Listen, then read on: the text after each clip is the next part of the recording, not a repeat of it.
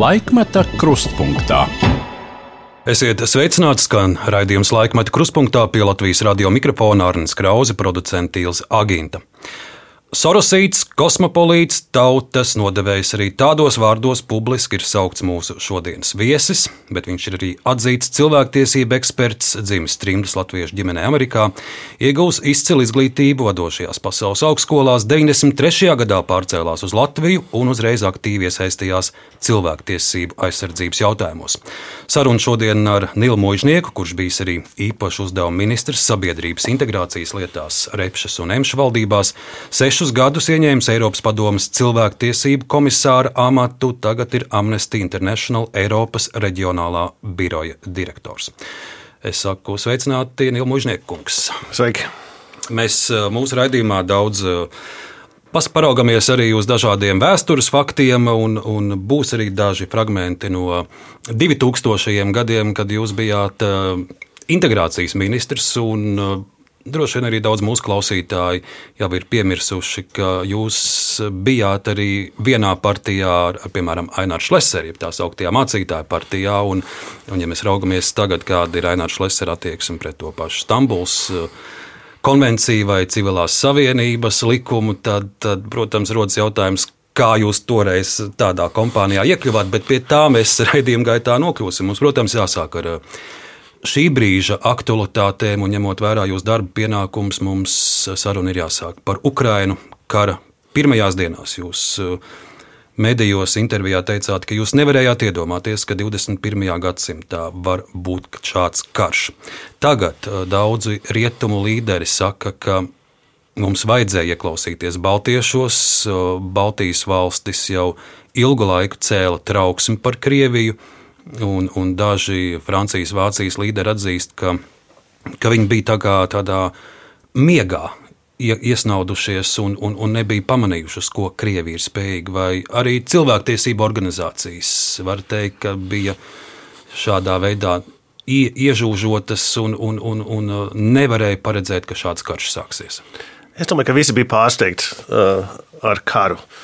Um, bet cilvēktiesību aktivisti, īpaši Krievijā, ļoti jūtīgi uztver jebkuru ierobežojumu viņa tiesībās Um, un, un cīnījās pretī ļoti varonīgi.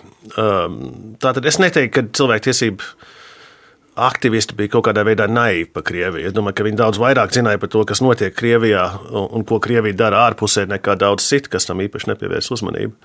Um, cits jautājums, ka tas sākot 24. februāra pasaule mainījās. Nu, var teikt, ka pasaule mainījās jau 14. gadā, kad iebruka Austrum Ukrainā un anektēja, okupēja un anektēja Krimu. Bet, uh, Es zinu, maz tādu cilvēku, kas nebija pārsteigti par to, kas notika 27. februārī.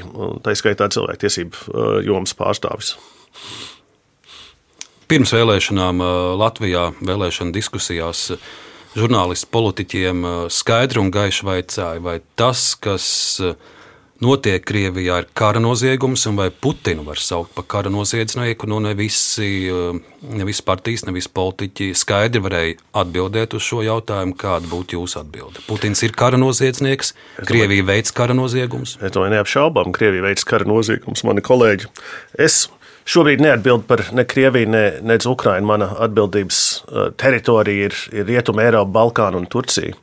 Es tur cenšos ļoti sekot līdzi, kas tur notiekās. Un, um, cik Eiropas padomu un Eiropas Savienības uh, centrs Brisele manā teritorijā, mēs arī daudz ko lobējām. Es arī atbildu par, par Ukraiņas bēgļu situāciju. Uh, nu, tā, tas ir viens no mūsu uh, jautājumiem, ko mēs pētām un mēģinām um, uh, aizstāvēt viņu, viņu intereses. Um, bet uh, mani kolēģi, kas uh, aktīvi pēta to, ko Krievija dara, ir dokumentējuši vairāk nekā 20 ziņojumos, kā, kā Krievija veids kara noziegums.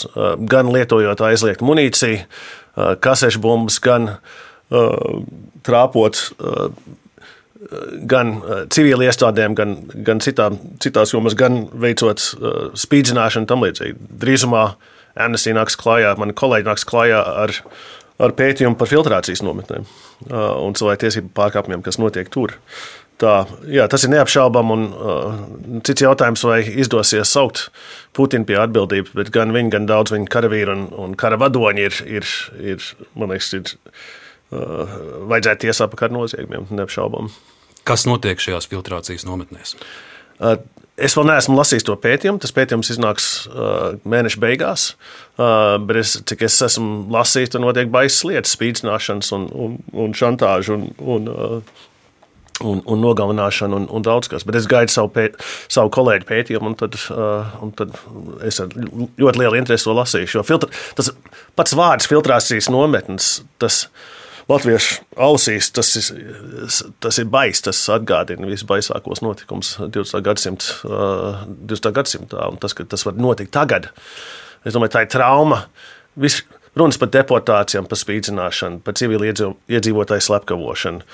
Um, tas ir tas mūsu vecās rētas atkal atver un, un, un ber sāli tajos. Un, un, tas ir, es skatos, īpaši kā man vecāki, kas piedzīvo, piedzīvoja otrā pasaules kara šausmas, skatās un, un, un šausminās. Viņi, te, viņi saka, nevarējām iedomāties, ka mēs to atkal piedzīvosim vēlreiz.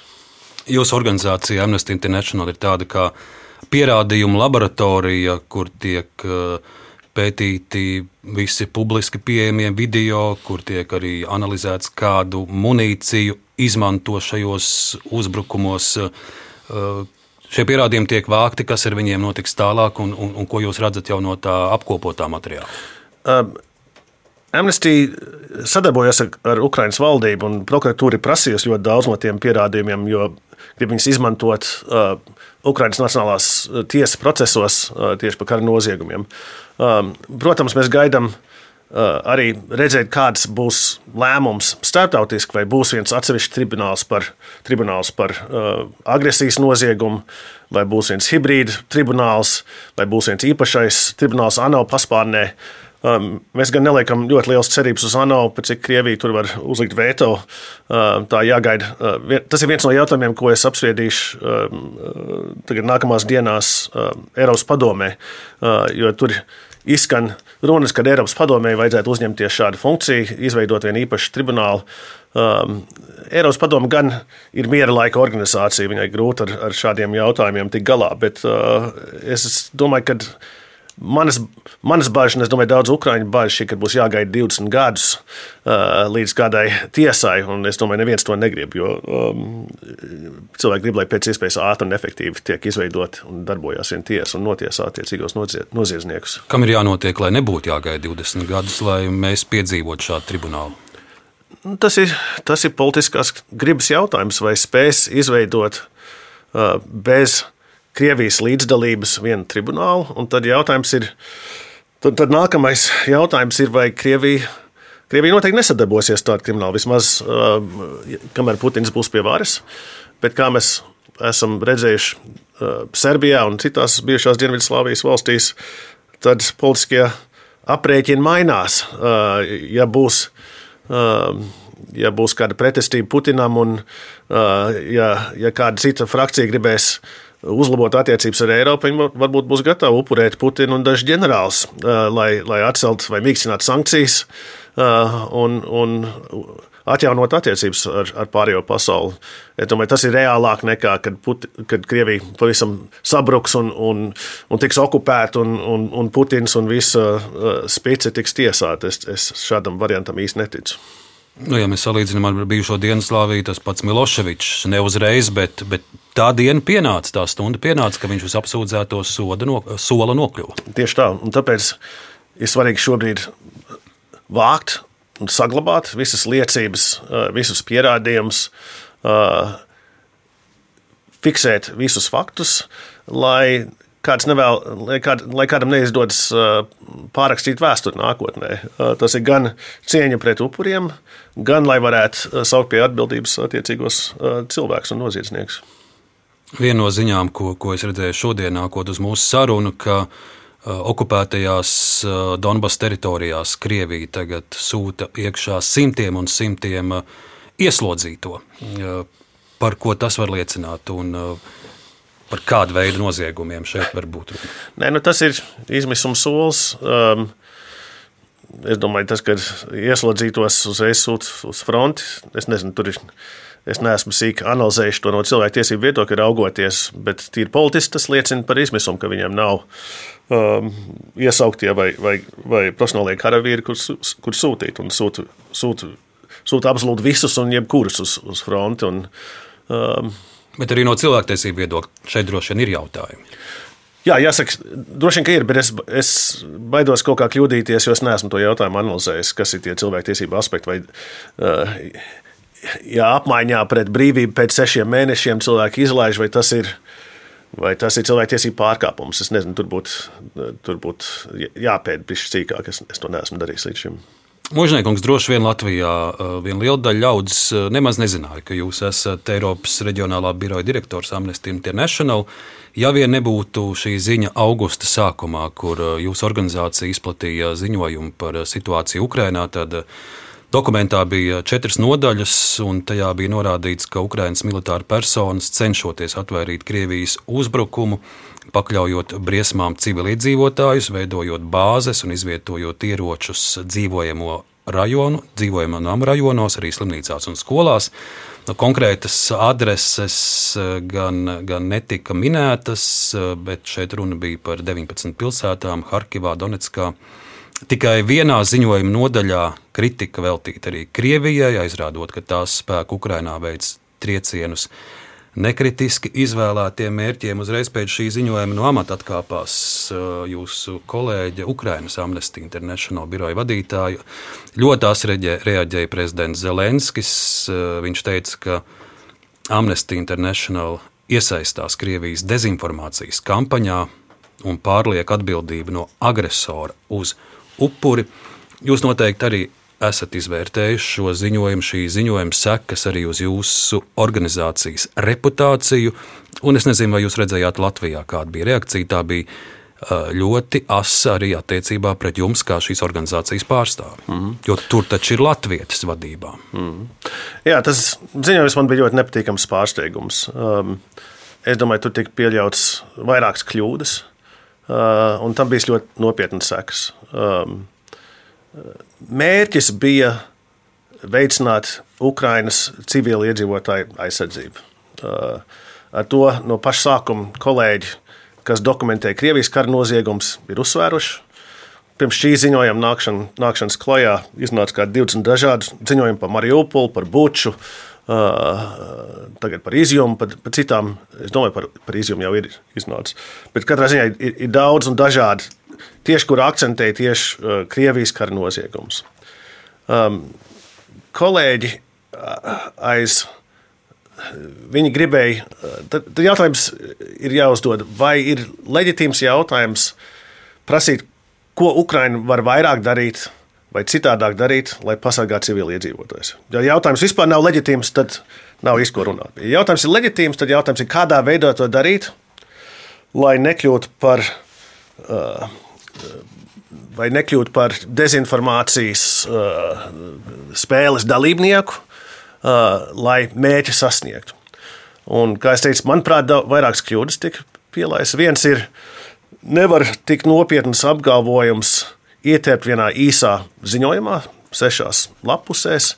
Uh, tas jautājums ir tik nopietns, ka tur vajag daudz pamatīgāku ziņojumu. Um, Otrs jautājums ir par to kontekstu. Uh, citas organizācijas, gan ANO, gan Human Rights Watch, gan citi, ir arī kritizējuši Ukraiņas rīcību kara laikā. Bet to vienmēr darīja blakus uh, Krievijas kritikai.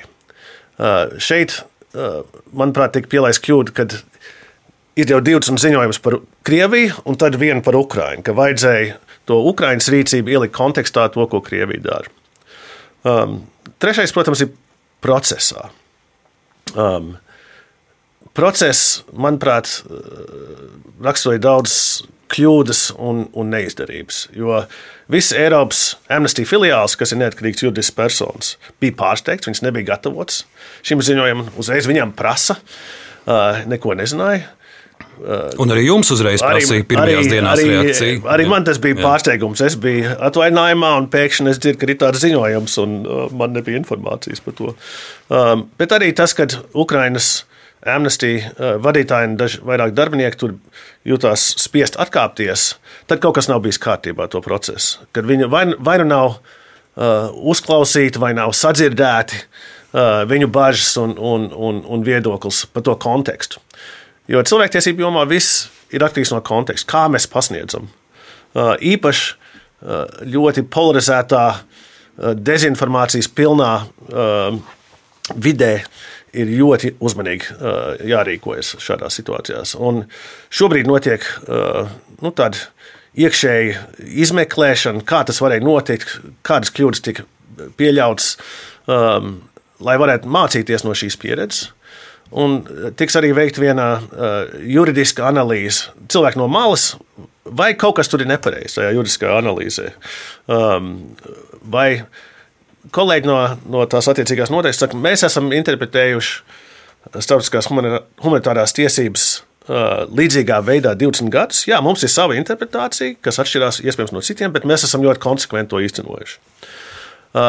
Bet uh, jautājums ir pietiekami strīdīgs, un, un kritika ir bijusi ar, arī no citiem ekspertiem. Tāpēc uh, amnestija ietvaros notiks arī šāda veida pārbauda, vai, vai izmeklēšana, vai, vai kritika uh, no malas.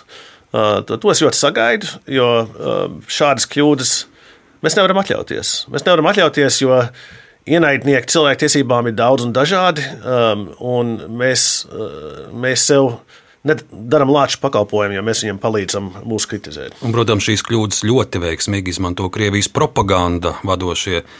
Propagandas slavinātāji, kur saka, lūk, tas, ko mēs visi sakam, to arī pat Amnesty International apstiprina. Jā, jā, viņi to izmanto, un tāpēc ir svarīgi, ka Amnesty turpina savu darbu dokumentējot Krievijas kara noziegumus, turpina dokumentēt uh, cilvēktiesību pārkāpumus pašā Krievijā, uh, un aktīvi iesaistās uh, starptautiski par, uh, nu, par attiecīgu tribunālu izveidu un, un veiksmīgu darbošanos. Tas, ko jūs dokumentējat, un no jūsu ziņojumiem redzams, ka Krievijas militārais spēks Ukrainā īpaši vēršas pret civilizētājiem, bet uh, tas ir pieredzēts arī citos gadījumos, kur Krievija ir īpaši nežēlīga pret vienkāršiem iedzīvotājiem, arī Čečenijas karš, arī Sīrijas konflikts un karš. Kādēļ Krievija izvēlas šādu taktiku, vērsties eh, pirmkārt pret, pret eh, arī skolām, slimnīcām, nevis varbūt militārajām kazarmām? Un, un eh, vai tā ir mēģinājums iebiedēt cilvēkus vai parādīt savu spēku un zvērību? Kas tas ir? Domāju, tās ir vecas tradīcijas, kas ir ļoti dzīvotspējīgas Krievijā, um, ka cilvēkiem nav vērtes um, un ka visi līdzekļi ir labi lai panāktu mērķi. Un, bet tas arī ir tīri psiholoģiski, lai sagrautu uh, morāli. Bet tas ir nosodājis tieši pretēji, manuprāt, Ukrainā. Tas ir stiprinājis Ukraiņu morāli un, un, un, un pārliecību, ka tikai atbrīvojot okupētās teritorijas, viņi var pasargāt savus cilvēkus. Es nezinu, vai to ir fiksējusi jūsu organizācija, bet vairākas citas ir jau vairāk kārt reģistrējuši gadījumus, kur Krievija izmanto savos uzbrukumos arī aizliegtos ieročus, kādi sen jau ar dažādām konvencijām nav pieļaujami. Un arvien aktīvāk uh, Putins un, un, un citi Krievijā sāk uh, žvadzināt arī kodolieročus. Cik, cik nopietni jūs uz to visu raugties? Es domāju, mēs to nevaram neuztvert nopietni. Krievija tomēr domāju, ir iedzīti pišķiņu stūrī. Viņi zaudē karu. Un ir dažādas izmisuma pazīmes, kas liecina, ka viņi varētu darīt jebko, lai, lai apturētu. Bet ļoti apšaubu, kad, kad Dievs sūtīja savus dēlus uz frontes, lai pēc tam viņus bombardētu ar kodolieročiem. Ļoti apšaubu, ka tur sūtīs. Es, es, es domāju, ka mums ir jāturpina iesāktais ceļš. Protams, tas jāuztver nopietni, bet Šeit mēs atkal atrodamies vairāk politiskā jomā un nevis cilvēktiesību jomā. Bet ir skaidrs, ka jau tagad notiek masveida cilvēktiesību pārkāpumi. Ja tiktu izmantot kodolieroči, tas būtu vēl, vēl, vēl ļaunāk un nopietnāk. Tagad būs mūsu pirmais arhīva fragments. Tas būs no 2014. gada. Tas ir laiks, kad jūs esat Eiropas Padomus cilvēktiesību komisārs. Un um, šis posms jums amatā sakrīt ar brīdi, kad uh, Krievija pirmo reizi eh, parāda savu spēku Ukrainā, atņemot tai Krimu un okupējot daļu austrumu Ukrainas.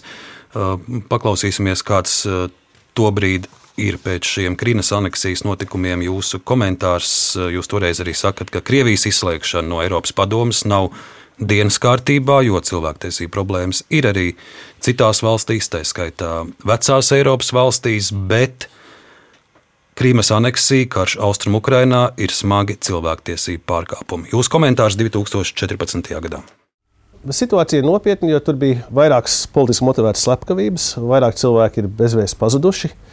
Un es uzsvēru uh, vietējām varas iestādēm, tur, kad ir, viņiem ir jāizmeklē efektīvi šī, šīs slepkavības un šīs pazušanas un, un jāsod vainīgos. Lūk, tāds jūsu komentārs esot Eiropas Padomas cilvēktiesību komisāram. Es saprotu, ka arī uh, savu pienākumu ietvaros uh, jūs pats devāties uz uh, uz Krimu vai Austrumu Ukrainu. Bija jums vairākas vizītes. Ko jūs tur redzējāt? Jā, es biju gan Krimā, gan um, Doņetskā, okupētajā divas reizes. Uh, uz Krimu es braucu uh, 14. 14. gada septembrī gandrīz kā pirmais starptautiskais starptautiskā organizācija pārstāvis. Un gan Krievija, gan Ukraina atbalstīja manu vizīti tur. Um, bet tas, ko es tur ieraudzīju un dokumentēju um, par to, ka tiek represēti cilvēktiesību aktivisti, tiek represēti žurnālisti, kad pret Krimas tatāriem uh, ļoti uh, asi vērsās uh, varas iestādes, kad tur bija Tad pašai, kad ne, nedarbojās nekāda policija vai, vai iekšlietu ministrija, bet uh, Samo Borona, kaut kāda pašaizsardzības spēka, kas vispār uh, darīja, ko viņi gribēja. Uh, tur cilvēki uh, tika pazudināti. Um, un es diezgan skarbi uzrakstīju vienu ziņojumu, un tad pēc tam Krievija man vairs nesadarbojās. Es mēģināju vairāk kārt braukt uz Krieviju atkal, un viņi teica, nē. Viņi bija ļoti nikni par to ziņojumu. Um, tas bija skarbi, jo es, eh, es ar Krimas tatāru pārstāvjiem regulāri tikos arī uh, no Latvijas ar, ar Refatu Šubārovu, uh, bet ar, ar citiem arī. Un tas Ahmets Čigos, kas bija viņu līderis tajā brīdī, uh, Krimā. Es ar viņu tikos, mēs, mēs gribējām aiziet uz vienu kafejnīcu. Viņš apstājās un teica, nē, ziniet, te nav droši runāt, es pazīšu šos cilvēkus, ejam citur. Drīz pēc tam viņš tika apcietināts un diezgan ilgi nosēdēja cietumā. Es domāju, nevis manas dēļ, bet vienkārši, ka tur viss, viss pēc kārtas um, aktivists likt cietumā. Tur bija ļoti skarbi, Krimā, kā zināms, mums bija ļoti grūti kaut ko uh, ietekmēt. Um, Austrum Ukrainā līdzīgi. Es tur biju divas reizes. Um, ANO um, Donbasā. ANO bija pārstāvniecība, ANO cilvēktiesību komisāram bija pārstāvniecība Doņetskā. Um, tas bija diezgan seriāli. Tur braukt, runāt ar, ar tā sauktiem vietējiem uh, pašpārvaldes līderiem. Un, Es atceros, man bija ļoti dīvains vakariņas. Tur tā saucamais Doņetskas Tautas Republikas ārlietu ministrs, man aicināja uz vakariņām, ierodās ar pistoli. un, un, Un faktiski gribēja man runāt, jo viņi gribēja zināt, kā viņi sadarbībā ar Maskavas kolēģiem var izmantot Eiropas cilvēktiesību tiesu pret Ukrainu. Um, es biju cerējis, ka braucot tur un ar viņiem runājoties, kad ar laiku viņi man dos piekļuvu uh, cilvēkiem, kas ir aizturēti. Bet tas nenotika. Uh, es redzēju to, ko viņi gribēja, lai es redzu. Un tur bija ļoti sarežģīti jautājumi tajā brīdī, kas vairs nav aktuāli, jo tagad ir tāds ar frontes līniju tur ir ļoti grūti tur pārvietoties turp apakaļ. Bet tajā brīdī vēl diezgan daudz cilvēku gāja turp apakaļ no okupētām teritorijām uz, uz, uz pārējo Ukrajinu. Līdz ar to viņu pārvietošanās brīvības ierobežojumi bija ļoti aktuāli. Viņa sociālajie jautājumi, daudz no viņiem uh, saņem pensijas no, no Kievas, un viņi nevarēja tās pensijas dabūt. Nu, kā risināt tos sociālos jautājumus? Visi šādi veidi jautājumi. Galu beigās um, tie visi bija sekundāri jautājumi. Tas galvenais ir drošības jautājums un, un, un karš un, un, un tam līdzīgi. Un tur, cilvēktiesību instancēm ir diezgan grūti kaut ko ietekmēt. Un man vienmēr bija tāda frustrācija, tāda sajūta, ko es te daru. Te ir skaidrs, ka te ir, te ir karš un te ir drošības jautājumi ir primāri, un es te runāju par kaut kādām cilvēktiesībām. Vai kontaktos ar Ukrāņiem un, un šajā saziņā ar šo pašu pasludināto republiku?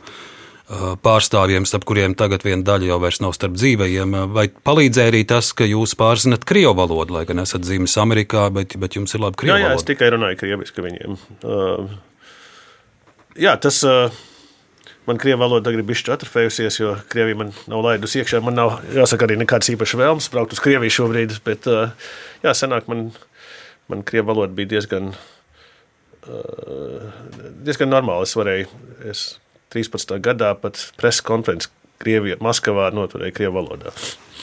Kas bija tās augstākās amatpersonas no Krievijas puses, ar kurām jums bija kāda kontakta, esot kā cilvēktiesību komisāram? Es ar Lavrovu tikos. Es tikos ar Konovālo, viņa toreizējo tieslietu ministru, ar iekšlietu ministru vietnieku. Kādu iespēju jums Lavrovs atstāja no sarunas? Lavrovs ir. Lavrovs ļāva man runāt krieviski pirmās 15 minūtes, pasmaidīja, un tad pēc tam pārgāja uz angļu valodu. Uh, Toreiz vēl attiecības ar Eiropas padomu un ar, ar pārējo Eiropu bija daudz draudzīgākas, un līdz ar to tā saruna nebija īpaši skarba. Man citkārt bija ļoti skarbas sarunas ar, ar dažādiem Krievijas diplomātiem un, un, un amatpersonām. Visgrūtākā saruna, es atceros, bija ar, ar nu, gan kas ir izmeklēšanas komitejas vadītāju, ar ģenerālu prokuroru, ar iekšlietu ministru vietnieku. Tās bija diezgan skarbas sarunas. Ar tieslietu ministru vēl tā. Viņš vēl mēģināja spēlēt, spēlēt kopā ar Eiropas padomu bišķiņu un kaut ko tur risināt, bet tie pārējie bija ļoti. Nu, ciet, ciet, cietās nostājas pārstāvji diezgan nekādas krāsainās revolūcijas mums nav vajadzīgas. Un, un tā. Tas, ka jūs zinat krievu valodu, tas, ka jūs arī sekojat Krievijas politikai, Kāda ir jūsu analīze par to, ar ko šis karš beigsies, ar ko šis karš beigsies Putinam? Un, un varbūt arī iezīmēja tādu Putina portretu arī kā, kā politologs. Kādu jūs viņu redzat un, un kādēļ, kādēļ viņš dara to, ko viņš šo ļaunumu ir nodarījis tagad? Es domāju, interesanti, ka analīze par Putinu, kāda bija pirms pieciem, desmit gadiem, un tāda, kāda ir tagad, ir tik krasi atšķirīgs. Visi domā, ka viņš ir kad viņš ir meistars stratēģis, kad viņš visus apspēlē, kad viņš visu kontrolē. Veidē kā skola. Veidē kā skola, ka viņš ir baigais šahmeistars. Un tagad, kad mēs redzam, kā viņš ir aizspēlējies Ukrajinā, tad vairs neviens tā nerunā. Tas ir viens tāds, nu, vienkārši tāds novērojums. Um, un, un tas, kā viņš, nu, šie murgainie teksti, ko viņš ir par Ukrajinu teicis pēdējos, pēdējā laikā, vienkārši nozīmē, ka viņš ir pilnīgi aizrāvies savā pasaulē, savā sapņu pasaulē, kam nav nekādas saistība ar, ar realitāti. Tas, Daudz analītiķi saka, ka tieši Covid laikā tā izolācija, ko, kurā viņš dzīvoja, tas pastiprināja visu paranoju un, un, un, un tam līdzīgi. Um, Nē, nu kā tas varētu beigties? Nu, Par Putinu vēl tā, tā, tā ir ticama lieta. Tas, ko ziņo, ka viņš lielu daļu vispār tādā pazemes bunkurā, varbūt labi ne pazemes, bet ka viņš tiešām tādā milzīgā izolācijā no pārējiem, un tur esot kaut kāda pat tā kā karantīna divas nedēļas, lai kāds cilvēks pie viņa tiktu klāt uz sarunu. Jā, es tam ticu. Es domāju, ka viņš ir ļoti paranoids ne tikai par savu veselību, viņam kā nekā 70 gadi. Um, bet arī uh, no iespējamiem atentātiem un tam līdzīgi. Es domāju, ka viņš, uh, viņam tas kontakts ar uh, kontakti ir, ir sašaurinājušies tik daudz, domāju, un viss tā no viņa baidās, ka nekāda alternatīva informācija viņam ne, pie viņa nenonāk. Arī cik, cik var lasīt ziņās, viņš internetu nelieto kas arī pastiprina to, no kurienes mēs vispār ņemam informāciju. Visi skatās internetā. Krievijā kaut vai telegrāma kanālās, kanālos skatās un, un mēģina kaut ko saprast par to, kas notiek karā. Es domāju, ka viņš saņem informāciju no dienestiem, un, un tie dienesti viņam stāsta to, ko viņš grib dzirdēt. Um, Ja Putins sekotu sociālajiem tīkliem, viņš noteikti pēdējās nedēļās pamanītu, ka pat viņa uzticamākie propagandas vēstneši Solovjovs un Simonjāna un Skabājeva sāk mainīt retoriku. Jā, jā. Ja, tas ir, tas ir pat tā pārsteidzoši, ka viņi sāk kritizēt savus uh, militāros ģenerāļus, ka viņi sāk uh, kritizēt savu armiju, ka viņi sāk atzīt, ka Ukraina tiešām ar vien veiksmīgāk izvērš savus pretuzbrukumus. Mm. Ar ko tas Putinam var beigties? Nē, es domāju, ka tas, kas notiek šobrīd, ir diezgan interesanti vērot, kad katrs. nu, Kā tas var beigties? Um, Timotejam Snaideram, uh, slavenam amerikāņu vēsturniekam, bija ļoti interesants gabals ļoti nesen, kā tas varētu beigties Putinam, jo viņš, viņš saredz, ka uh, šobrīd notiek tāda spēkošanās starp dažādiem varas centriem, ka Dierovs uh, lamā militāro virsvadību, bet nesūta savus karavīrus. Viņš Viņiem tie karavīri varētu noderēt nākotnē, uh, Krievijā. Tāpat Prigožins. Uh, Prigožins uh, vervē ieslodzītos, bet savus labākos karavīrus droši vien nesūta uz fronti. Jo iespējams, tie būs noderīgi turpmākajās varas cīņās Krievijā. Uh, es domāju, jo vairāk kara, uh, kara notikumu Ukrajinā ietekmēs Krievijas politiku, jo nestabilāk būs uh, Putina situācija. Un tad var sākties karš, karš starp visiem uh, Krievijā, kur tur mēģina. Uh, tur jau tagad notiek propagandas karš starp uh, uh, Krievijas armijas virsvadību un, un Prigožinu un, un, un Kadīrovu. Es domāju, ja tas aizies vēl tālāk, tad, tad Putins būs spiests atsaukt karavīrus, lai sev aizsargātu no konkurentiem. Plus Krievijas iekšēnē, Burjatijā, nu, tur ļoti daudz nav priecīgi, ka tieši viņus sūta uz frontes pirmajām līnijām. Dagestānā mēs redzējām nemierus, kur sievietes izgāja ielās. Kaut kas tāds sen nebija pieredzēts. Arī.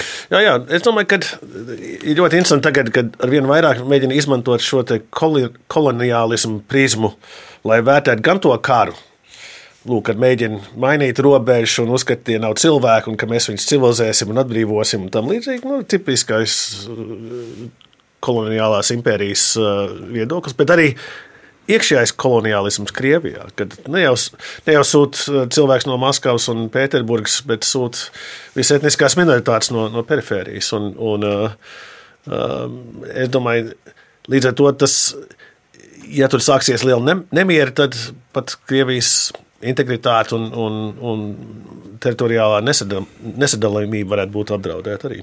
Un saistībā ar Krievijas agresiju Ukrajinā es vēlos jūs uzrunāt arī par uh, bēgļu jautājumu, kas ir, kas ir bijis jūsu redzeslokā. Vienmēr, protams, milzīga bēgļu strauma, lielākā kopš otrā pasaules kara. Kā, kā Eiropa un, un īpaši jau fokusēsimies, kā Latvija ir ar šo visu tikus galā?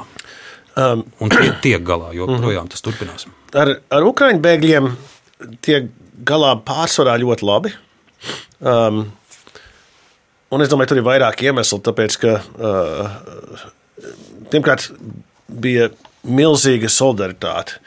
Uh, un daudzās valstīs, kur patvērums sistēmas tika pamatā demontētas, tādas kā piemēram Polija vai Ungārija, uh, kas novērst katastrofu, novērst katastrofu pilsoniskā sabiedrība un, un, un brīvprātīgie, kas palīdzēja ļoti daudziem cilvēkiem. Um, tas, protams, ir, uh, tur ir zināmi riski, jo paļaujas pārāk uz pilsonisko sabiedrību un nav valsts sistēma, uh, tad cilvēkiem var sākt apnikt. Vai īpaši ziemā, kad būs lieli apkurss rēķini un inflācija, ka nevarēs atļauties uzturēt vēl pāris cilvēku savā, savā mājasāmniecībā. Tur ir zināma riski, bet ir arī riski, kad valsts nebija. Valsts pārstāvji nebija klātesoši pie robežas pašā sākumā. Tad tur ir liels tirzniecības un eksploatācijas riski. Uh, un dažkārt tie, uh, tās bažas izrādījās pamatotas, bet par laimi es domāju, ka uh, ļaunākais ir novērsts. Um, ļoti sarežģīta tagad aktuāla problēma ir um, Ukrāņu bērnu skolās. Un kā uh, Polijā, jo īpaši, bet ne tikai Polijā, man kolēģi no Čehijas un, un, un, un citrienes uh, ir satraukušies par to, ka skolotāji nav gatavi, uh, nav mācību materiāli, nav. Galvenais, kad nav finansējuma palīgs skolotājiem. Ja būtu palīgs skolotāji, kas zinātu gan poļu, gan ukrāņu, gan, gan citas valodas, kas varētu palīdzēt tiem bērniem, tad būtu, būtu daudz labāka situācija. Mēs tagad sākam šo jautājumu pētīt. Um, uh, bet, protams, tas, kad aktivizēja to uh, pagaidu uh, aizsardzības direktīvu Eiropas Savienības pirmo reizi kopš uh, tas bija ļoti labi, to darīja ļoti ātri. Tas norāda, ka Eiropa ir spējīga uzņemt cilvēkus. Nav tā, ka Eiropa nevar uzņemt uh, daudz cilvēku daudz labākā veidā nekā līdz šim. Dot viņiem iespēju strādāt, dot viņiem uh, iespējas izglītoties, dot viņiem mājokli. Ka tas ir iespējams. Arī Latvija kuriem nekāda pieredze nebija. Šo tagad ir uzņēmusi pār 40 tūkstoši cilvēkiem. Un kā Latvijai ir veicies, nu, ja mēs raugamies uz sociālajiem tīkliem un reakciju, tur es ik pa brīdim redzu, kur ļaudis ļoti atzinīgi izsakās par to, ka biju piemēram depo veikalā un tur pārdevējs ar, ar, ar zīmīti. Esmu no Ukrainas, es vēl mācos, un, un, un cilvēki ir priecīgi, ka, ka, ka šiem cilvēkiem ir darbs un ka viņi var arī varbūt jau pirmos teikumus latviešu pateikt. Tāpat nesen ģimenes studiju raidījums šeit Latvijas radio bija tieši par to, kā iet Ukrāņu bērniem skolās. Un, un bija viens, viens labs piemērs, kur viens Ukrāņu puika ir klasē. Un, un uh, viņam pārējie palīdz, un viņš jau, jau var pirmos vārdus latviešu valodā pateikt. Nu, pagaidām tie piemēri tādi iedrošinoši.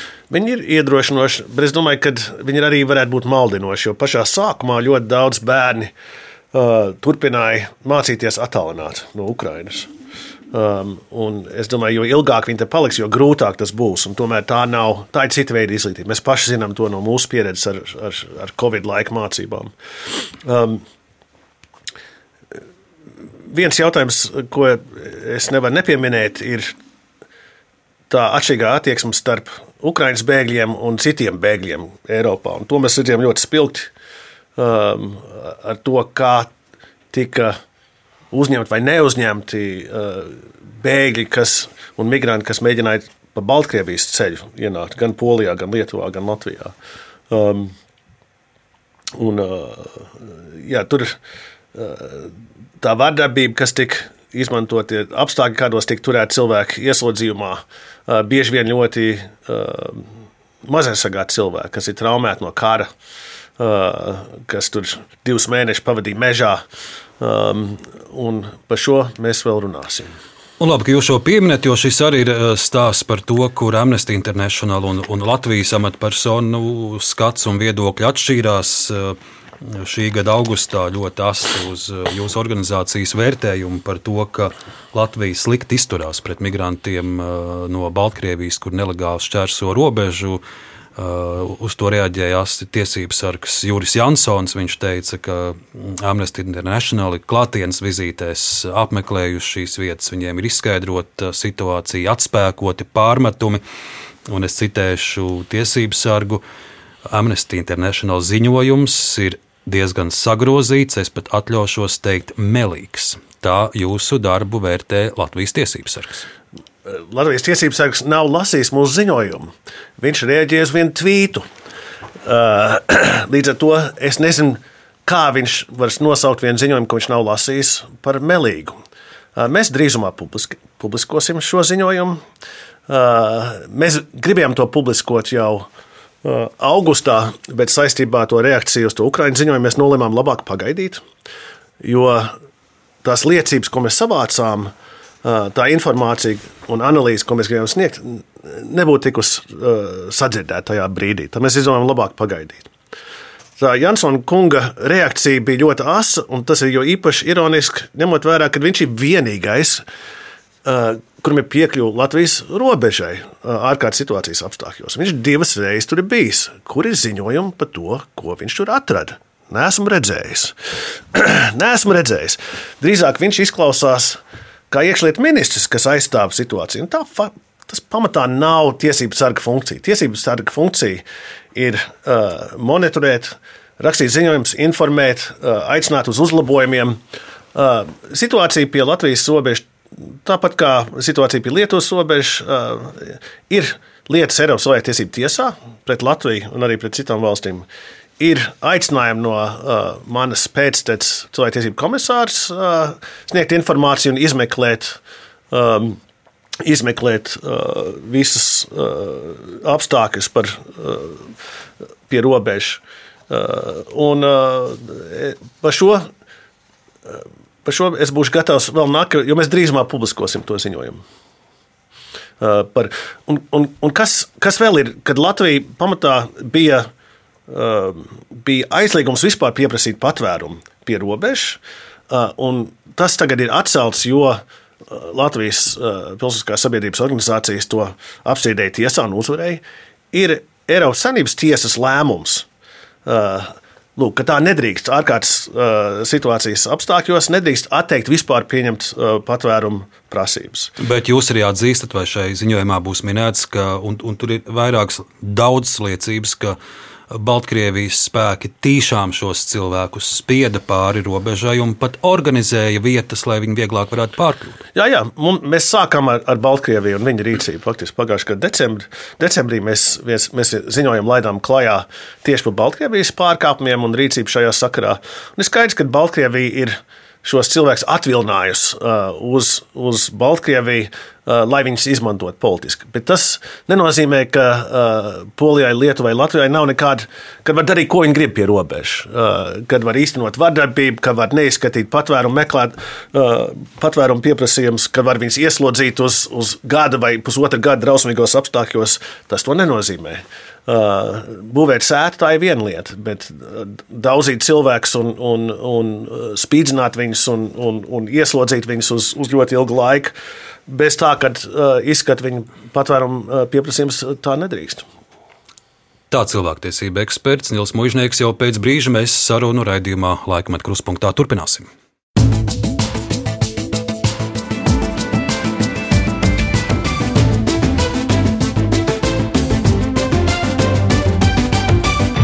Laikmeta krustpunktā. Un turpināsim ar uh, aktuālo Latvijas politikā. Tās, protams, ir uh, saimnes vēlēšanas. Te es jūs kā politologam lūkšu pakomentēt, kāds ir 14. saimnes iznākums. Un, un vai jūs arī piedalījāties vēlēšanās? Jums ļoti daudz šie braucieni, pārbraucieni vai, vai paguvāt? Es, es pagūvu, es tieši atgriezos. Uh pagājušā sestdiena un, un paspēju nobalsot ar, ar savu mammu, ko es aizvedu arī nobalsot.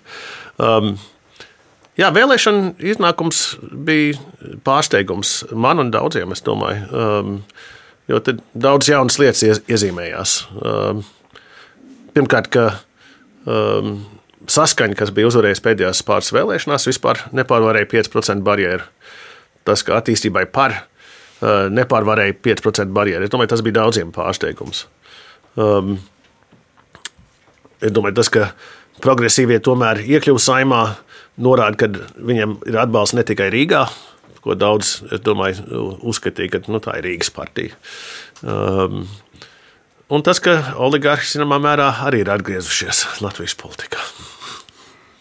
Nu, tā kā jūsu redzeslokā daudzu gadu garumā ir bijuši integrācijas jautājumi Latvijā, tad, protams, īpaši es jums gribu uh, dzirdēt jūsu reakciju un komentāru uz uh, vēlētāju izvēli Latgalē, Daugopilī, kur Daugopilī 20% uh, ir par stabilitāti nobalsojuši, kuri diezgan atklāti saka, ka ka, ka nu, ja neatklāti saka, to, to mēs redzam viņu sociālajos tīklos, ka viņu skats ir, ir austrumu virzienā. Viņi nespēja nosodīt Putinu. Uh, pat daži deputāti, kas tādā ir iekļuvuši saimā, fotografijās dižojas, stāvot uz tanka ar sarkanu zvaigzni fonā un tā tālāk.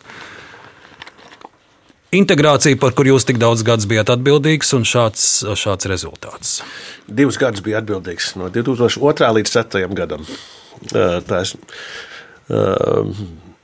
jā, tas liecina par lielu neizdarību. Tad ir jājautā, pirmkārt, vai Latvijas pārējās politiskās partijas centās uzrunāt krievalodīgos vispār un krievalodīgos latgalējo īpaši.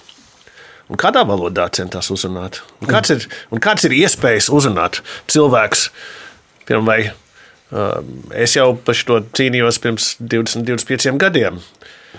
Uh, var jau cerēt, ka visi krievalodīgie klausīsies un lasīs ziņas tikai latviešu. Cerība laba lieta, bet tāds nenotiek. Uh, kādā mērā uh, Latvijas radio un televīzija Krievijas valodā ir pieejama, kvalitatīva, cik stundas dienā un vai Latvijas radio un Latvijas televīzija var aptvert visu Latviju, arī pierobežu. Šo jautājumu jau runāju pirms 20 gadiem. Katru reizi, kad es aizstāvēju investīcijas šajā jomā, man teica, tu gribi stiprināt krievu valodu. Es ne, negribu stiprināt krievu valodu. Es gribu, lai mēs sasniedzam šos cilvēkus, kas citādi dzīvo Krievijas informācijas telpā.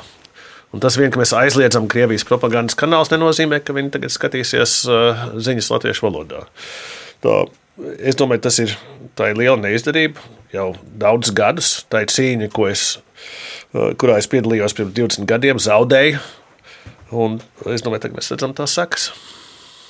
Par to, ko jūs darījāt pirms 20 un 30 gadiem, par to arī mūsu sarunas turpinājums. Un, kā pirmais būs arhīvu fragments no 1996. gada. Tiek pasniegta Soros fonda sabiedriskās saskaņas balva. To pasniedz jau sākot no 94. gada, un balvas saņēmēja vidū ļoti cienījami ļaudis Ulrichs Bērziņš, Jānis Stradiņš.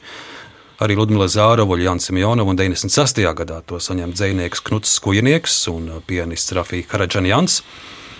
Un uh, šeit ir fragments, kur jūs um, skaidrojat televīzijā, kāds ir šīs balvas uzdevums un kādēļ tā tiek pasniegta. Mazs fragments no 96. gada. Atzīmēt, popularizēt uh, saskaņas ideju un dot materiālu un morālu atbalstu tiem cilvēkiem, kas, kas ir daudz ko darījuši šajā jomā. Gan pagātnē, gan viņiem dot tādu stabilu pamatu zem kājām, lai viņi varētu turpināt darbu. Kritērijs ir tas, cilvēks ir, ko cilvēks ir darījis, lai veicinātu toleranci sabiedrībā, lai veicinātu vispār cilvēcisko vērtību nostiprināšanos. Lūk, šie, šie vārdi - tolerance, cilvēcīgās vērtības saskaņa 90. To gadu sākumā, 96. gads, tas varbūt nav temats, par ko toreiz priekšplānā runāju. Uh, sāksim ar to Sorosa fonds. Kā jūs tur nokļuvāt? Uh, jo tas vēl ir laiks, kad, kad nav šis no Vēncpils ieviestais apzīmējums Sorosīti. Tolaik vēl tie, kas ap to Soros fondu, tie, tie ir gana cienījami ļaudis. 93. gadā jūs pārceļaties uz Latviju, 96. gadā jūs jau esat Soros fondā. Kādi jūs tie sākumi ar jūsu aktivitātēm Latvijā? Tā, es sāku uh, kā pētnieks. Es 93. gadā atbraucu ar uh, stipendiju pētīt etniskās attiecības Latvijā. Es biju tikko pabeidzis savu doktora uh, disertāciju par Baltijas tautas kustībām un padomu sanības sabrukumu. Uh, un es biju ar vienu kāju Amerikā un vienu kāju Latvijā. Un tā man bija tā stipendija uz vienu gadu. Atbraucu, vācu informāciju par par etniskām attiecībām, par pilsonību, par valodu, eh, par visādiem šādiem jautājumiem. Un tajā gada laikā man piedāvāja eh, vadīt cilvēktiesību un etnisko studiju centru. Nevalstiska organizācija, kas bija nesen dibināta. Um, un es to darīju, un tad vienlaikus man uzrunāja Soros fonds. Teica, vai jūs negribat strādāt ar mums arī šajā jomā, veicināt cilvēktiesības un, un, un uh, iecietību un etnisko saskaņu. Un es teicu, es nevaru uz pilnas slodzes, man jau ir darbs, Tā es sāku uz daļai slodzi strādāt Soros fondā, ja nemaldos, tas bija jau 97. gada beigās. Um, un, uh, tā bija liela privilēģija, jo tur bija ļoti, uh, ļoti daudz interesantu cilvēku. Nos, jūs nosaucāt tos laureātus. Uh, tie, tas ir Latvijas ziedus, manuprāt. Es esmu lepns, ka mēs varējām viņiem palīdzēt un popularizēt viņu labos darbus. Um, un, uh, es strādāju Soros fondā no 97. līdz 99. gadam, ja nemaldos. Un tad, uh, un tad, uh, un tad vairs ne. Un tad pēc tam, kad es beidzu savas politiķu gaitas, uh, man aicināja būt Soros fonda valdē. Un tad es biju Soros fonda valdē 2000. gadu. Nezinu, no 5. vai 6. gada līdz 12. gadam. Kāda ir jūsu reakcija, kad jūs dzirdat šo apzīmējumu? Sorosīti. Nu, nu, pēdējās vēlēšanās gan tas gandrīz ir pazudis. Tur tagad eh, no, no, no Vēncpils puses citi, citi uzsver un vēji, bet, bet vienu brīdi ļoti aktīvi šis Sorosītu stāsts tika pūsts. Jā, tā ir tāda sazvērstības teorija, kad ir tāds onkulis, kas sēž Ņujorkā un visus diedziņus rausta. Um, tas ir diezgan smieklīgi, faktiski. Bet tas ir arī bīstami, jo, uh, ja skatās, kas vēl kur citur un kādi varas vīri uzbruka Sorosam. Tie principā ir autoritāri vadītāji - Putins, Lukašenko, Alievs, kas baidās no pilsoniskās sabiedrības, kas baidās no brīviem, neatkarīgiem mēdījiem un kas mēģina. Ungārijas vadība arī. Ungārijas vadība arī, jo īpaši um, tie nav nekādi demokrāti, tie nav nekādi cilvēktiesību cienītāji. Tie ir cilvēki, kas meklē ienaidnieku uh, un grib vājināt uh, neatkarīgu kritiku. Nākamais arhīva fragments, kur piedāvāšu, ir no 99. gada vasaras. Tajā brīdī ir liels strīds par valsts valodas likumu. Atgādināšu, mēs vēl neesam Eiropas Savienībā, tikai ceļā uz to Brisele uzskata, ka likuma sagatavotā redakcija neatbilst standartiem par vārdu brīvību privātajā sfērā. Šeit žurnālisti intervijā ar cilvēktiesību ekspertu Nilu Mužnieku, un arī viņš uzskata, ka likums nav izstrādāts pilnīgi. Un uh, prezidenta Vairvīta Freiberga tolaik ierosina svītrot no vēlēšanu likuma pantu, kas nosaka, ka deputātu kandidātiem zināt valsts valodu augstākajā līmenī. Nu, arī mazs fragments paklausīsimies to līdzi, kā jūs to laiku šo strīdu komentējat. Tā ir neoficiālā saziņa, vai publiskas funkcijas, vai nacionālo un etnisko grupu saziņā. Uh, tie ir ļoti miglaini termini, un tie nav definēti nekur likumā. Nu, Tātad te ir stāsts arī par to, ka prezidenta ir pārliecināta, ka svītrojot valodas prasību no likuma netiks apdraudēta uh, saimas darba valoda. Tur ir vēl viens konteksts, ka Latvija bija vienīgā valsts Eiropā ar, ar šādu prasību vēlēšanu likumā, jo īstenībā pirms tam arī Igaunija to atcēla. Un tas pamats tās, ka, ka tas bija jautājums par, par iestāšanos Eiropas Savienībā. Nē, tieši tā. Es domāju, ļoti daudz um, tās prasības cilvēktiesību jomā, īpaši, uh, kas skāra pilsonību valodu, bija nosacījumi, lai iestātos Eiropas Savienībā un NATO. Uh, un tas bija jautājums numur viens, jo manā pārliecībā uh, cilvēktiesības varēja aizsargāt vislabāk tieši esot Eiropas Savienībā un NATO. Um, un par to bieži aizmirst. Un tie cilvēki, kas cīnījās pret, viņi draudēja apturēt Latvijas iestāšanos uh, šajās organizācijās, kas, manuprāt, bija eksistenciāli svarīgs jautājums. Bet šim stāstam arī jau, nu, jau vairāk nekā 20 gadi atgādiniet, nu, man šobrīd šķiet, kā var nezināt latviešu valodu, ja tu gribi strādāt saimā. Tai, tai ir jābūt uh, loģiskai prasībai. Kāpēc toreiz tur bija tādas diskusijas? Ja, tā ir loģiska prasība, un normālās valstīs vispār nebūtu divu domu. Cilvēks zina valodu vai nezina valodu. Es domāju, tā pamatdoma toreiz bija, uh, ka vēlētāji jau izvēlas. Toreiz jautājums ir ne tikai par, par prasībām, bet par, par atbalstu. Kādā, kādā mērā Latvija Latvijas valsts atbalstīja vai veicināja latviešu valodas apgūvu. Um, bija latviešu valodas apgūves valsts programma, kas sākās 95. gadā, uh, bet tie bija vēl pirmsākumi. Uh, bija ļoti daudz cilvēku. Un tad bija jautājums, vai, vai tas ir valsts uzdevums regulēt valodas zināšanas un valodas uh, lietojumu visās iespējamās sfērās. Um, un, un tagad, protams, tās diskusijas ir aizgājušas tālāk, bet toreiz uh, bija tā vēlme regulēt valodu visur. Iejaukties nevalstiskās organizācijās, biznesos, eh, ikdienas dzīvē visur un regulēt valodas lietojumu. Un no cilvēktiesību viedokļa raugoties, tas ir diezgan problemātiski. Um, tur vajag, ja tam jābūt izņēmumam, uh, kur, kur valsts iejaucās, lai regulētu dzīvi. Um, citādi mēs, jā, nu, vienkārši liberālās valsts pamati ir, kad valsts neiejaucās visur. um, tieši par vēlēšanu tiesībām, jā, tur Um, tas bija, tas bija Eiropas institūcijas to ļoti aktualizēja. Man, manuprāt, tas, tas jau skāra tik maz cilvēku loku, ka tas, nebija, tas bija drīzāk tāds simbolisks jautājums. Par uh, valsts valodas zināšanām arī būs nākamais arhīvu fragments 2001. gada aprīlis. Eiropas cilvēktiesību tiesa Strasbūrā sāka saņemt uh, pirmās sūdzības no Latvijas iedzīvotājiem, un kā viena no pirmajām ir Ingrīdas Potkolzinas lieta. Īsumā atgādināšu, ka, ka viņa bija Daugopils iedzīvotāja un viņu svītroja no sējuma vēlēšana saraksta tādēļ, ka viņas valodas zināšanas neatbilda augstākajai valsts valodas pakāpei. Uh, lieta tajā brīdī vēl tik, tikai pieņemta izskatīšanai. Tagad mēs jau zinām, ka Latvija šajā lietā zaudēja un, un bija arī jāizmaksā kompensācija. Un to, ka Latvija šo lietu zaudēs, to prognozējat arī to laiku jūs esot Latvijas cilvēktiesību centra direktors. Arī mazs fragments no 2001. gada.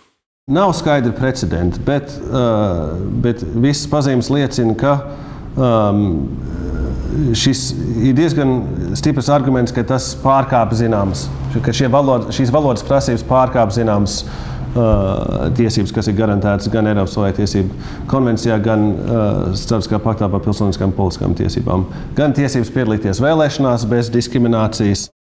Nu, tā jūs runājat 2001. gadā, un faktiski to pašu jau arī nu pat, nu, nu pat jūs teicāt. Bet man, man būtiskāks likās šajā ziņā, kas, kas tolaik bija medijos, jūsu brīdinājums Latvijai un mūsu amatpersonām, ka, ja netiks sakārtotas garās tiesas prāvas, un ja netiks sakārtotas tas, ka cilvēki ilgu laiku pavadēs restēm bez tiesas sprieduma, Latvijai nāksies maksāt prāvas kompensācijas. To jūs sakat 2001. gadā, un vēlākos gados no Strasbūras spriedumiem mēs redzam, ka patiesi ir lietas, kur Latvijai šādas kompensācijas tieši jūs minētajos gadījumos ir nācies maksāt.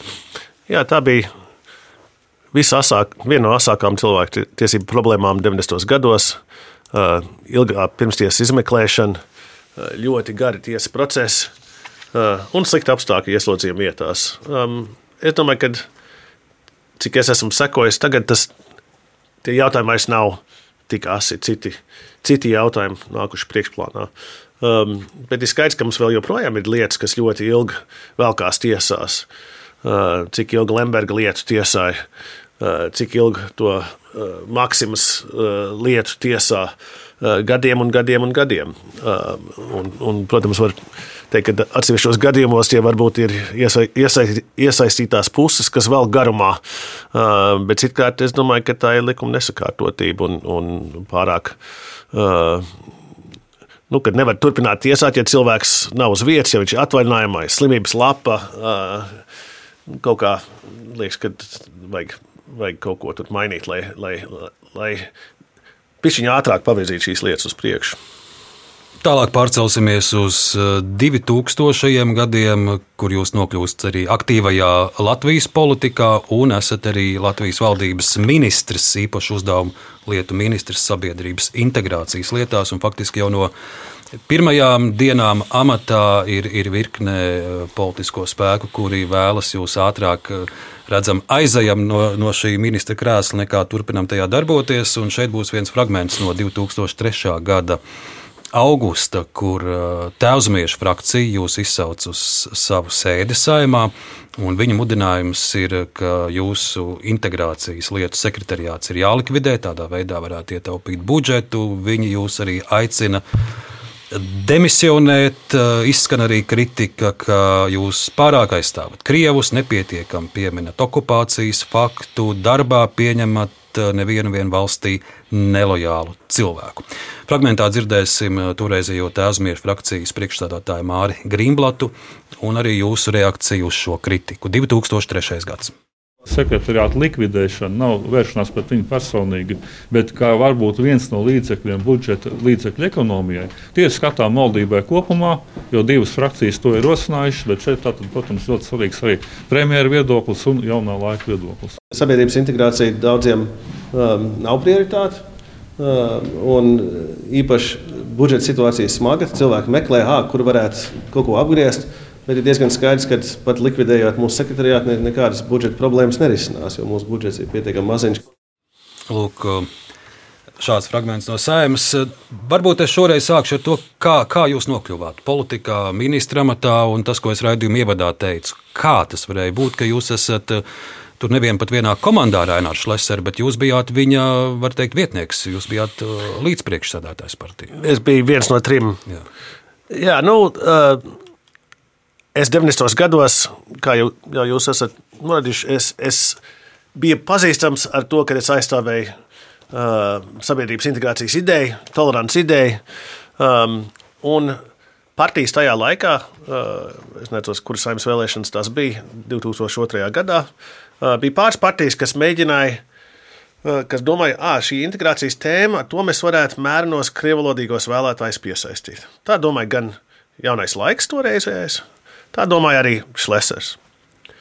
Um, Šlesers uh, bija uh, uzrunājis, mēģinājis uzrunāt krievlodīgos vēlēt, vēlētājus arī toreiz, bet īpaši caur uh, baznīcām, bet ne tikai caur baznīcām, ar to domu, ka mums ir jāpiesaist šie cilvēki. Un tad viņi, uh, vismaz toreiz man tā šķita, viņi saskatīja manī iespēju kā līdzekli uzrunāt šos krievlodīgos vēlētājus.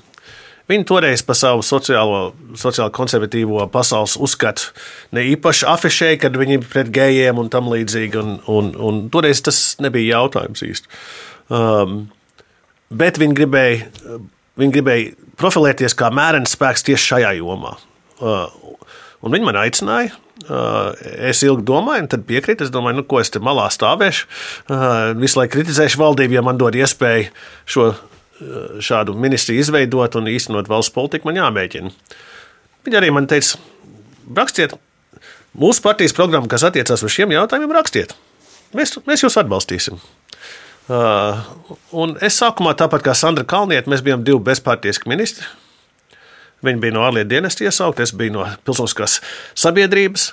Uh, un tad apmēram, uh, kā jūs pats tur rādījāt, man sāka uzbrukt. Uh, un tas bezpārteiskums bija drīzāk mīnus nekā plus, jo cilvēki uzskatīja to par vājumu pazīmi.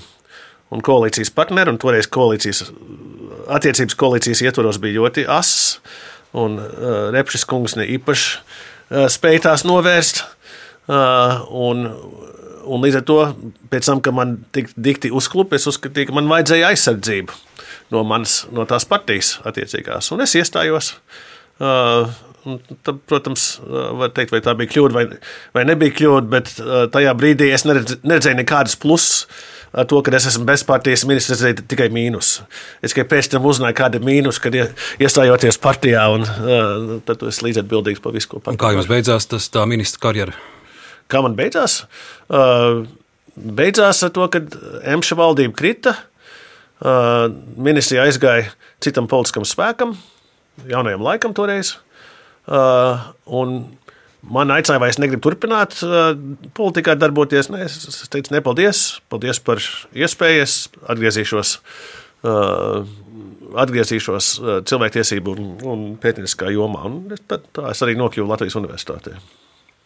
Bet politikā jūs neatgriežaties. Toties 2005. gadā jūs izrādāt vēlmi kandidēt uz valsts cilvēktiesību biroja vadītāja amatu, un arī valdība uh, secina, ka jūs esat vispiemērotākais kandidāts. Jūsu kandidatūra tiek nosūtīta uz saimu apstiprināšanai, bet tur jūs atbalstu negūstat. Uh, kas interesanti, pret, pret jums iebilst uh, īpaši jaunā laika ministri. Protams, arī tēvzemieši šeit mēs dzirdēsim saimnes sēdē Jurdu Dobeli, un arī jūsu pirmā reakcija pēc tam, kad jūs neapstiprina cilvēktiesību biroja direktora amatā.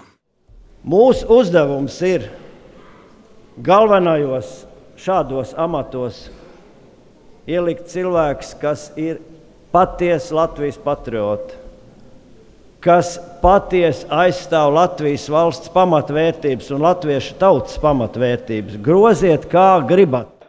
Tur ir gan mana nostāja nacionālos jautājumos, kas vienmēr ir bijusi pārāk eiropiski daudziem cilvēkiem. Es domāju, ka man iespējams, ka mana tas, ka neviens nav spējis mani, mani pilnībā kontrolēt, vai kad es esmu savs cilvēks ar savām domām. Tā jūs 2005. gadā pēc saimnes balsojuma, kurā jūs neapstiprināt amatā, es arhīvu kadros redzu, ka jau pat bija zāles stūrī jums eh, puķi pušķis sagatavots un, un eh, balsojums bija aizklāts un, un, un, un pietrūka viens sešas balsis. Vai šis ir tas gadījums, kur arī kāds solīja balsot līdzīgi, kā tas bija arī par maizīti un tā tālāk, kad, kad publiski saka vienu un, un beigās nobalsoja savādāk? Es nezinu, es laikam toreiz pārāk paļāvos to, ka, ja valdība atbalsta, tad jau saima, saima sekos. Bet man, man bija daudz ienaidnieku un, un konkurenti, kas man nenovēlēja labu. Un nenovēlēja arī stipru, neatkarīgu cilvēktiesību institūciju Latvijā tajā laikā. Un uh, nevar teikt, ka daudz labvēlēju jūs ieguvāt, esot par Eiropas padomus cilvēktiesību komisāru. Jūs jau stājoties amatā teicāt, nu, ka šis nav, nav tas amats, kur tu, kur tu daudz plusiņus var nopelnīt. Un jums uh, bija jārunā arī par uh, cilvēktiesību situāciju Latvijā, jāvērtē. Uh, Latvijas apstākļi, un šeit būs fragments no 2016. gada. kur jūs runājat par cilvēktiesībām Latvijā un vērtējat arī to, ka Latvijai būtu jāpieņem Stambulas konvencija. 2016. gads jūs jau kā Eiropas padomas cilvēktiesību komisārs. Es ar lielu interesi uh, sekoju diskusijām Latvijā par šo konvenciju. Uh, un var teikt, ka ir tikusi izplatīta diezgan daudz atgādnes informācijas un, un dezinformācijas, ka bija reizēm jābrīnās. Um, konvencija nav pret ģimenes vērtībām. Vardarbība pret sievieti ir pret ģimenes vērtībām. Vardarbība pret sievieti iznīcina ģimenes. Konvencija ir zelta standarts cīņā pret šo cilvēku tiesību pārkāpumu. Tik tālu par Stambulas konvenciju, bet uh, reizes gadā jums, kā komisāram, bija jāvērtē situācija visās padomjas 47 dalībvalstīs. Uh, par Latviju kopumā jūs sakat, ka situāciju Latvijā var uzslavēt arī par to, ka ir atteikšanās no centieniem pilnībā latviskot vidējo izglītību.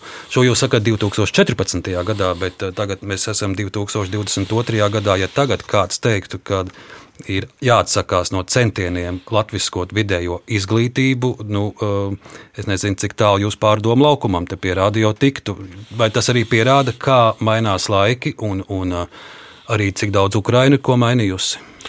Jā, es domāju, ne tikai Ukraiņa, bet uh, laiks, daudz laiks ir pagājis. Toreiz, kad es biju valdībā, valdība lēma par proporciju 60-40 vidusskolās, ka 60% latviešu valodā, 40% minoritāšu valodās. Un toreiz mums bija zinātni, zinātni pētījumi, kas norādīja, lūk, ka tas ir tā ir laba proporcija. Gan lai visi jaunieši apgūtu latviešu valodu, gan lai viņi savu identitāti uh, varētu pasargāt. Un to apstiprināja arī Eiropas Padomus uh, minētāšu konvencijas ekspertu grupa. Mums bija zinātnē, mums bija starptautiskā aprobācija, un tad nolēma, nē, to nepietiek. Jāiet tālāk. Es līdz šai dienai neesmu redzējis pētījumu, kas liecina, lūk, kas nestrādāja tiem 60, 40. Vai Eh, vai cilvēki nemācīja latviešu valodu, vai tāpēc vajadzēja veicināt uh, vairāk latviešu valodu tajā uh, skolu programmās, vai cilvēki nebija konkurētspējīgi darba tirgu. Kāds ir tas pamatojums zinātniskais? Es līdz šai baltai dienai, tad līdz ar to tas ir tīri politisks jautājums. Uh, Bet tas ir fakts. Jūs eh, vēl pirms astoņiem gadiem, jā, jā. kā komisārs, ir, esat uzslavējis Latviju, ka, ka mums nav pilnībā notikusi atteikšanās no, no mācīšanās arī Krievijas valodā skolās. Toreiz tas bija eh, ļoti asi jautājums, eh, ko starptautiski vērtēja gan no. Sākot no 98. gada, kad sākās pirmās reformas izglītības sistēmā, līdz nesenam laikam.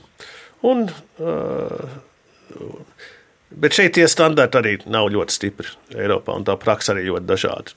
Bet es, kā es saku, es ļoti labprāt izlasītu vienu pētījumu, kas pamato Kāpēc tas bija vajadzīgs? Jo es līdz galam nesaprotu. Es saprotu, ka to vēlmu grib, grib lai jautājums ir, vai tie bērni, latvieši un krievi un citi bērni, visi mācās kopā, vai tomēr mums tagad ir vēl lielāka segregācija, kad latviešu, valoda, latviešu bērni mācās latviešu skolās un krievi un citu mazākumu tautību bērni mācās bijušajās mazākumu tautības skolās, bet ne kopā ar latviešiem. vai, vai tagad mums tiešām ir integrēta izglītības sistēma? Nē, esmu redzējis pētījumu šajā sakarā.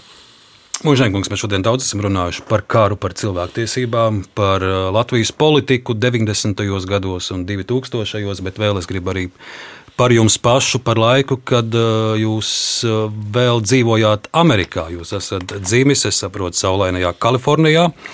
Un es palūkojos trimdas latviešu laikrakstus jau 15, 18, nu, pusauģu vecumā jūs esat jau gan aktīvs dažādās uh, latviešu skolās. Te es atrodu no laikraksta Laiks 79. gada. Jūs esat aktīvs dalībnieks arī bijis vienā vasaras nometnē. Es nezinu, vai jūs jau atpazīstat bildīta maziņa, bet tur ir, tur ir rakstīts Nils Mužnieks ar izmežģītu potīti. Jums 16 gadi.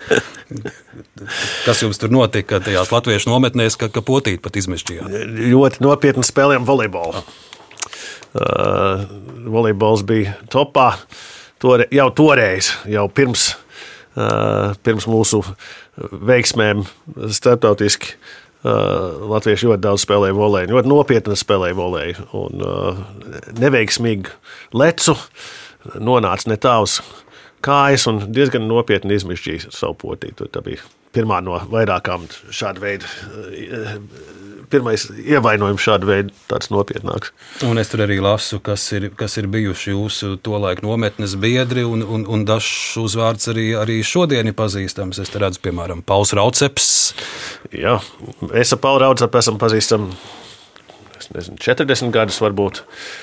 Toreiz mana klases biedrene tajā nometnē arī bija Lorita Ritmana, kas ir liela slava iegūst tagad Holivudā. Un, uh, jā, trimdas latviešu jaunieši ļoti aktīvi uh, brauc uz, uz dažādiem pasākumiem, uz nometnēm, uz kongresiem. Un uh, ļoti daudz man draugi no trimdas latviešu sabiedrības ar, arī pārvācās uz Latviju. Tā skaitā Vita Tērauda un, un, un, un Pauls Lauceps un ļoti daudz. Un ko es redzu arī trimdas, no, protams, Amerikas latviešu presē, ka, ka tepat ir vairākas publikācijas, kur tiek uzteikta jūsu izglītība, ka jūs diezgan labās, ļoti labās amerikāņu augstskolās arī ar pasaules prestižu tikāt un mācījāties. Jā, man bija tāda laima un privilēģija. Uh, mans tēvs savulaik diezgan labi pelnīja kā ārsts uh, Amerikā, un viņš man teica, tu centies tikt vislabākajās augstskolās, es maksāšu. Viņš nemaz nebija domājis, ka es tikšu Princetonā un, uh, un Berklijā. Nu, bija, tā bija liela privilēģija, es, uh, es esmu ļoti pateicīgs saviem vecākiem, bet arī uh, tai izglītībai, izglītībai ko es tur iegūstu. Un uh, mužniekungs man ne, nevienmēr visiem viesiem, bet, ja nu sanāk laiks un ir iespējas palūkojos, ko var atrast arī par intervējumu dažādos uh, arhīva ierakstos. Un, Un tad mēs palūkojam pa jūsu mūžnieka līniju, jūsu vecstāva dāvija līnija. Tur ir diezgan plaša līdz 1800 gadiem redzama, kas ir bijuši vec, vec, vecstāvi. Bet, bet man vairāk interesanti bija redzēt jūsu vecumāti Mildu. Uh, mužniece dzimuši puksis, un uzmanību man pievērst tas, ka, ka viņa ir dzimusi pagastā, kur ir arī mani lauki, tas ir Liezers pagasts starp uh, Vecpiebalgu un Madonu. Un, un tad jums arī, lai paliek daži, dažas vēstures liecības, te ir iedzīvotāju saraksts 41. gadā, kuri visi jūsu ģimene redzama Raunā. Tātad mužnieki nāk, es saprotu, no, no Raunas puses. Jā, jā tā ir. Bet uh, varbūt šeit ir arī jūsu tēta Anša reģistrācijas apliecība Eslingenā, Latviešu bēgļu nometnē. Interesanti, viņi parakstīs arī ir toreizējais Latvijas pārstāvis Amerikā Bilmanis. Mm. Bet eh, no tiem arhīvu dokumentiem, es domāju, viss interesantākais jums būs šis, ka, un tā kā jūs mākat lasīt krieviski, šis eh, ieraksts no kristību ieraksta baznīcā, ka jūsu vecā māte Milda patiesībā ir uh, kristīta kā Marija. Tas Mildas vārds droši vien nācis pēc tam. Un, uh, Šeit ir no 1850.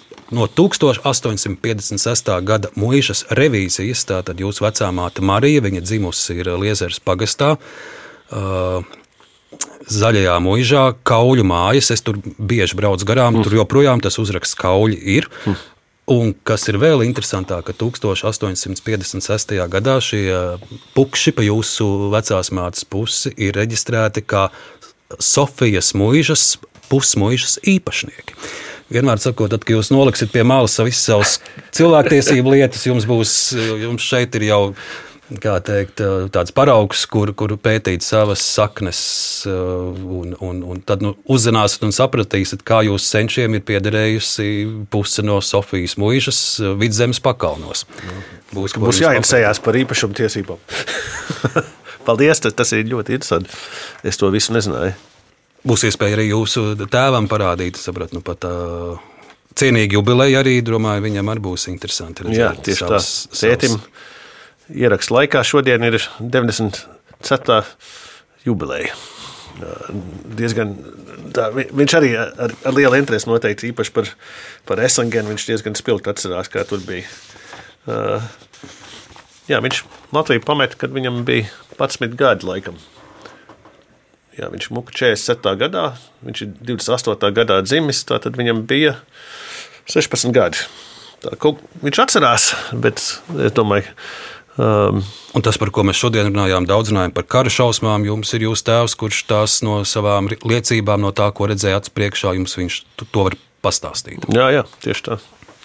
Tieši tā. Nē, viņi, viņi gan tēta, gan, tēta, gan mamma diezgan spilgti atcerās kara, īpaši bēgļu gaitas Vācijas okupētajā teritorijā, bet tur pa vidu arī bija grūti posmi, kur vajadzēja. Tēvs strādāja piespiedu darbos. Nu, vācieši viņu, viņu lika pie darba vienā munīcijas fabrikā, liekas, Polijā, okupētajā Polijā, ceļā uz, uz Eslingenu un uz, uz nu, tas bija kara laikā, un tieši kara beigās viņi bija Amerikas zonā. Un, un tur nodzīvoja seši gadus nometnēs, pirms viņi, pirms viņi tika uz Ameriku. Lūk, arī šādas atmiņas. Šodien raidījumā laikmatā kruspunktā bijušais Eiropas Padomas cilvēktiesību komisārs, cilvēktiesību eksperts Nils Mužnieks. Nils, liels paldies jums par sarunu! Paldies! Raidījumu veidoja Elzbieta Šaicānova, Reinis Budze, Ilze Aginta un arī Arnis Krause. Turpiniet klausīties Latvijas radio!